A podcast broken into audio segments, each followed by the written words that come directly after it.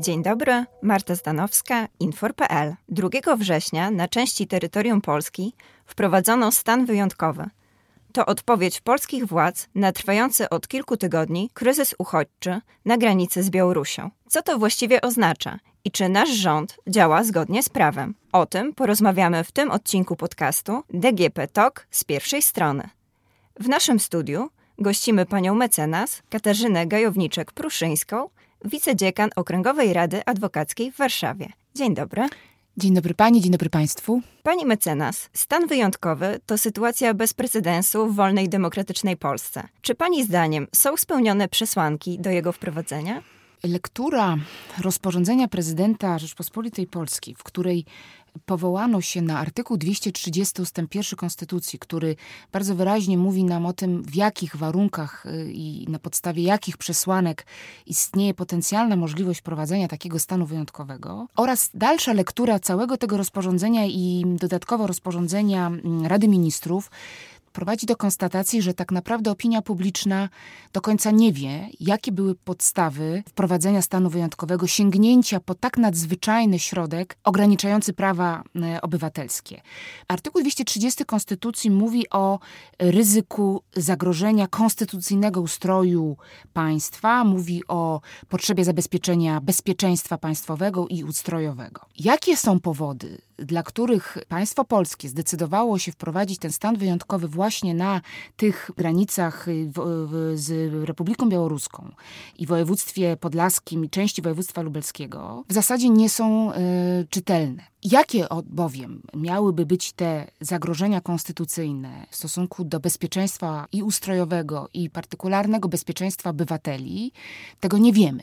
Natomiast y, zakres tych ograniczeń, y, jakie wprowadza rozporządzenie, które między innymi wskazują y, wprost na ograniczenie dostępu do informacji publicznej dotyczącej czynności prowadzonych na obszarze objętych stanem wyjątkowym, skłaniają do refleksji, że te powody podyktowane są jeśli nie w całości, to w przeważającym stopniu, właśnie potrzebą alienacji obywateli od tego, co się tak naprawdę dzieje na granicy i jakie są działania państwa w, wobec y, grupy y, migrantów, y, którzy ubiegają się o azyl w, w, Polsce. Ja nie odnalazłam i myślę, że opinia publiczna, w tym prawnicy, którzy komentują te decyzje z 2 września, nie odnajdują żadnego stosownego uzasadnienia dla wprowadzenia takiego stanu wyjątkowego. Mało tego, w środowisku czy w społeczeństwie w zasadzie e, spotkało się ono w zasadzie z żadną re refleksją, ani e, jakąś obawą nad tym i refleksją nad tym, jak daleko wprowadzone są e, ograniczenia i konsekwencje wynikające ze stanu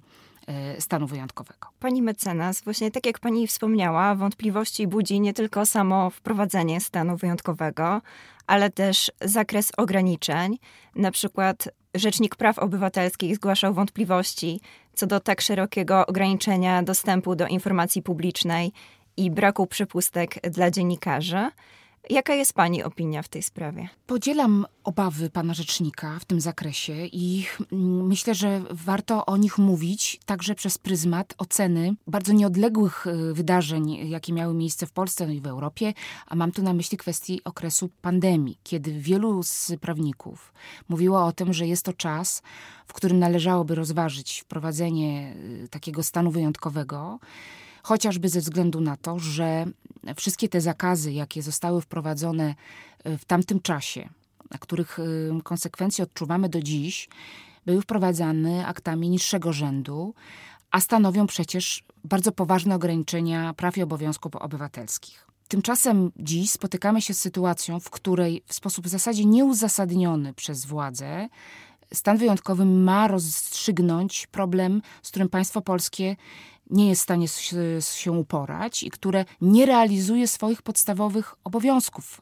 y, związanych z przestrzeganiem konwencji genewskiej, prawa Unii Europejskiej, karty praw podstawowych, które absolutnie nie wymagają wprowadzania stanu wyjątkowego, a jedynie ich prostej realizacji. I o tym głośno mówią w zasadzie wszyscy komentatorzy sytuacji związanej z mm, troską o cudzoziemców znajdujących się na granicy polsko-białoruskiej. Wprowadzenie stanu wyjątkowego dziś, a nie wprowadzenie go w okresie, kiedy ograniczano prawa obywatelskie w okresie pandemii, budzi poważne wątpliwości i jest podstawą moim zdaniem no, głębokiej krytyki z, ze środowiska prawniczego, która, tak jak mówię, ma swoje głębokie uzasadnienie. Pani mecenas, podobne kwestie, o których pani mówi, podnoszą aktywiści i dziennikarze. Aktywiści od początku zwracają uwagę, że chodzi głównie o to, aby nie mogli oni dokumentować nielegalnych działań polskich służb, które dopuszczają się wywózek uchodźców. Prawdopodobnie ta sama obawa dotyczy y, działań dziennikarzy. Bo umówmy się, jakie zagrożenie stanowią dziennikarze. Dziennikarze są także na wojnach i, i, jakby nie stanowią zagrożenia dla bezpieczeństwa państwa. Są już pierwsze zarzuty dla dziennikarza Onetu i operatora kamery, którzy nadali relacje z Usnarza Y, z okolic, którzy chcieli y, pokazać, jak działają tam służby, jak kontrolują wjazd. Media podają, że pierwszy zarzut dotyczy y, przebywania na terenie objętym zakazem, natomiast drugi utrwalania za pomocą środków technicznych infrastruktury granicznej. I teraz pytanie, właśnie co grozi, czy samym dziennikarzom, czy aktywistom, którzy jednak chcieliby spróbować pomagać na miejscu, czy też być może mieszkańcom, którzy chcieliby na przykład w jakiś sposób dokumentować to, co się dzieje, robić zdjęcia. Trzeba zacząć od tego, że praca wykonywana przez dziennikarzy, reporterów, podobnie jak praca prawników, jest tutaj no, nie do przecenienia. To znaczy, zarówno y, Państwo jako dziennikarze jesteście źródłem informacji dla wszystkich, y, którzy bardzo z dużym zainteresowaniem śledzą to, co się tam dzieje na granicy, jak również prawnicy, których wiedza miała pomóc osobom znajdującym się na granicy. I teraz, jeżeli władza stosuje przepisy uniemożliwiające zaangażowanie y, dziennikarzy, realizowanie przez nich swoich y, obowiązków zawodowych, podobnie jak prawników, to znaczy, że interesy czy cele działania władzy nie są mm, działaniami które niosą ze sobą jakiekolwiek y, pozytywne i korzystne konsekwencje dla przeciętnego obywatela. To znaczy, władza boi się dziennikarzy, jeżeli, jeżeli, ma coś faktycznie do ukrycia. I zasłanianie się, sięganie po tak y, restrykcyjne narzędzia, jak chociażby właśnie zakaz dostępu do informacji publicznej, jest oznaką potrzeby ukrycia czegoś. Dlatego moim zdaniem y, wszelkie działania dziennikarzy, które y, nadal zmierzają do tego, aby tę prawdę ujawniać, oczywiście zasługują na uznanie, że być może jest to działanie w stanie wyższej konieczności. Dlatego przypadek y, dziennikarza, który w zasadzie niezatrzymywany chciał nadal ujawniać to, co dzieje się tam na granicy, a dodatkowo jeszcze obnażył w zasadzie indolencję organów, które, czy, czy osób, które wykonują z kolei swoje obowiązki zawodowe i na tej granicy realizują jakiś określony cel państwa, jest po pierwsze dowodem na to, że jest zapotrzebowanie wciąż na te informacje, a po drugie na to właśnie, że y, organy no nie działają w sposób jednak konsekwentny. Jakie będą konsekwencje wobec dziennikarza ostatecznie i czy w ogóle ten zarzut się utrzyma, to będzie już wynikiem oczywiście postępowania.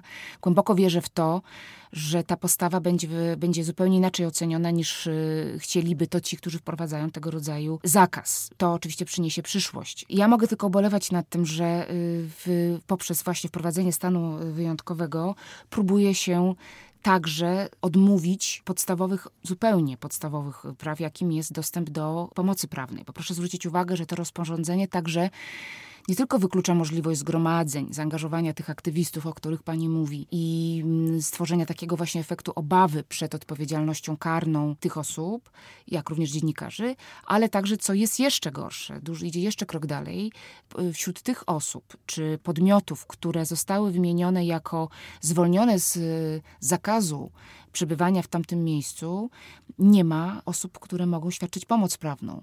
Y, obrońców, adwokatów, aplikantów, y, radców prawnych, czyli coś, co jest absolutnym minimum i w zasadzie nie mieści się w głowie, aby im odmówiono możliwości przebywania w tamtym miejscu.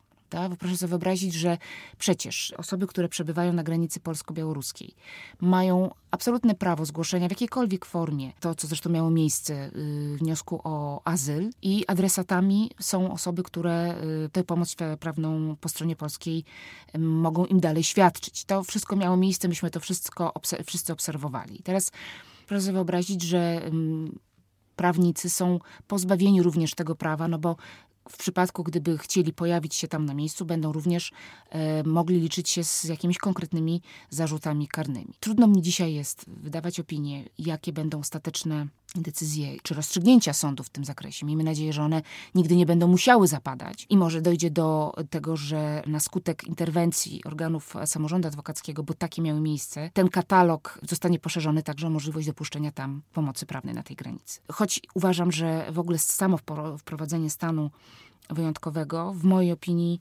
choć nie jestem konstytucjonalistką, ale nie znajduję podstaw w takim zakresie podstaw po prostu konstytucyjnych. E, z jednej strony mamy tak szeroki zakres ograniczeń, o jakich tutaj mówimy. E, z drugiej, wśród wyłączeń, e, znajduje się na przykład możliwość wzięcia udziału w kulcie religijnym, możliwość zaproszenia gości z zewnątrz na wesela, chrzciny. Jak pani mecenas to skomentuje? Mogę tylko nawiązać również znowuż do okresu tej pandemii, kiedy dochodziło do takich w zasadzie trochę absurdalnych zmian w prawie, jak chociażby zakaz wejścia do lasu właśnie, ale z drugiej strony możliwość bywania kultu religijnego. No, starając się tego w jakiś, w jakiś znaczny sposób różnicować, bo jest to za, za, zawsze problemowe, mam poczucie, że w przypadku tego mm, rozporządzenia została zachwiana w pełni ta zasada, tak zwana zasada proporcjonalności i ten zakres ograniczeń niewidocznych przecież praw obywatelskich, y, jakim jest chociażby właśnie y, prawo do zgromadzenia, jakby chociażby prawo do informacji publicznej, czy tej pomocy prawnej, tak na pierwszy rzut oka niedostrzegalny przez przeciętnego obywatela, powoli godzić będzie w jego fundamentalne prawa i na zasadzie właśnie tej przysłowiowej podgrzewanej żaby ingeruje bezpośrednio w jego podstawowe uprawnienia. Nie jest to natomiast tak widoczne, jak taki zakaz, który miałby ingerować w bardzo prozaiczne, tak zwanego dnia codziennego prawa, właśnie o których pani redaktor mówi. Władza doskonale zdaje sobie sprawę z tego, jak bardzo bolesne byłoby korzystanie z, takich, z takiego ograniczenia wobec tych partykularnych korzyści, jakie mamy z właśnie takich drobnych, drobnych spraw, o jakich pani redaktor mówi. I doskonale zdaje sobie sprawę z tego, że takiego ograniczenia wprowadzić y, w jej interesie nie powinna. Twierdzę zatem, że podział właśnie na te określone ograniczenia jest doskonale znany władzy i podyktowany po prostu jej możliwością, ni niestety nazwę to po imieniu, manipulacyjną wobec no, określonej grupy obywateli. Pani mecenas, teraz ja także właśnie odniosę się do pandemii. Wówczas rząd nie zdecydował się na wprowadzenie żadnego ze stanów y, nadzwyczajnych. Prawdopodobnie też dlatego, żeby nie wypłacać odszkodowań dla przedsiębiorców. Tutaj mieszkańcy 183 miejscowości objętych stanem wyjątkowym na pewno e, stracą przedsiębiorcy. Turystyka bardzo ucierpiała w trakcie pandemii, teraz ma okazję jeszcze w tym sezonie się troszkę odbić. No i pytanie: rząd mówi, że zapowiada rekompensaty dla przedsiębiorców. Jak pani to skomentuje? Ja myślę, że to jest niestety ta marchewka, prawda? Ograniczamy, jest jakiś stan e, wyjątkowy, który przeciętny obywatel no niespecjalnie kojarzy jako jakaś okoliczność ingerująca w jego prawa. A zatem, jeżeli będzie jakaś niedogodność, państwo za nią zapłaci. Tak to wygląda na pierwszy rzut oka. Natomiast przesuwa się tą granicę ważności interesów i, i praw z tego, co dzieje się wobec drugiego człowieka, jakim jest cudzoziemiec na granicy polsko-białoruskiej. Proszę pamiętać, że tam zapadły już rozstrzygnięcia Europejskiego Trybunału Praw Człowieka, bo mamy tam zabezpieczenie tymczasowe w sprawie Amini przeciwko Polska i Ahmed przeciwko Łotwie, gdzie Europejski Trybunał wypowiedział się, wprawdzie nie przesądził całkowicie o tym losie wniosku o azyl, ale zobowiązał państwo polskie do zapewnienia tym wszystkim osobom wody, odzieży, żywności, a przede wszystkim w miarę możliwości schronienia co ja rozumiem także jako konieczność realizacji podstawowego uprawnienia, jakim jest przyjęcie także oczywiście tego wniosku o azyl do rozpoznania. I teraz państwo polskie próbuje przesunąć zainteresowanie opinii publicznej i przeciętnego obywatela, który, który interesuje się także swoim losem, z tego, że na granicy polsko-białoruskiej dzieje się krzywda innym ludziom i mówi o tym także ETPC i nakazuje określone zachowanie, na poklepanie polskiego obywatela po plecach, powiedzenie jest tam wyjątkowy, ale nic się nie martw, ty jako przedsiębiorca na tym na pewno nie ucierpisz. Uważam, że nie do końca jest to moralne. Uważam, że po prostu dzieje się krzywda bardzo poważna drugiemu człowiekowi i państwo chce na to przymknąć oko i niejako puszcza oko, mruga do obywatela polskiego, żeby również on na to przymknął oko. To na koniec zapytam pani mecenas, bo z naszej rozmowy wynika, że stan wyjątkowy nie jest najlepszym rozwiązaniem kryzysu uchodźczego na polskiej granicy. Jak w takim razie rząd, zgodnie z prawem, zgodnie z prawem międzynarodowym, powinien rozwiązać tę sytuację? Y, jakie Polska ma obowiązki wobec uchodźców? Czy Polska ma obowiązek przyjąć każdego cudzoziemca, który pojawia się na polskiej granicy i chce tu złożyć wniosek o ochronę międzynarodową? Przede wszystkim Polska ma obowiązek przyjęcia wniosku o azyl, czyli to, co Państwo żeśmy przez, przez wiele dni obserwowali na granicy polsko-białoruskiej kiedy w sposób bardzo jasny zostało wyartykułowane oczekiwania osób, cudzoziemców przebywających na tej, na tej granicy polsko-białoruskiej. Jasno trzeba podkreślić i o tym także wielu prawników znających się na, na sprawach uchodźczych i sprawach azylowych podkreśla. Nie ma obowiązku taki uchodźca do korzystania z prawa azylu w określonym państwie. On ma prawo ubiegania się o taki azyl w Polsce w naszym kraju.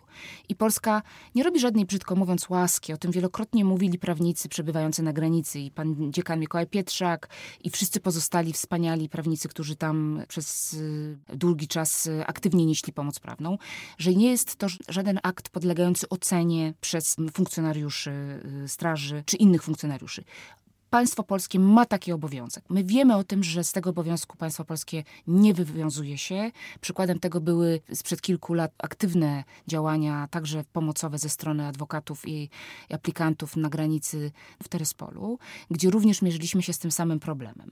I tutaj identyczna reakcja, a w zasadzie jej brak po stronie polskiej, czego konsekwencją jest wprowadzenie tego stanu wyjątkowego, który ma zasłonić opinii publicznej oczy przed tym, że nie realizuje swoich podstawowych uprawnień wynikających z konwencji genewskiej, wynikających, tak jak wspomniałam, z prawa Unii Europejskiej, o czym już powiedział się Europejski Trybunał Praw Człowieka, wskazując nam, jakie, nam, mówię tutaj o państwie polskim, jakie państwo polskie ma zobowiązania wobec tych ludzi. Nierealizowanie tych zobowiązań, podobnie zresztą jak w kontekście nierealizowania przez państwo zobowiązań, orzeczeń organów międzynarodowych, będą rodziły na pewno określone sankcje po stronie Unii Europejskiej.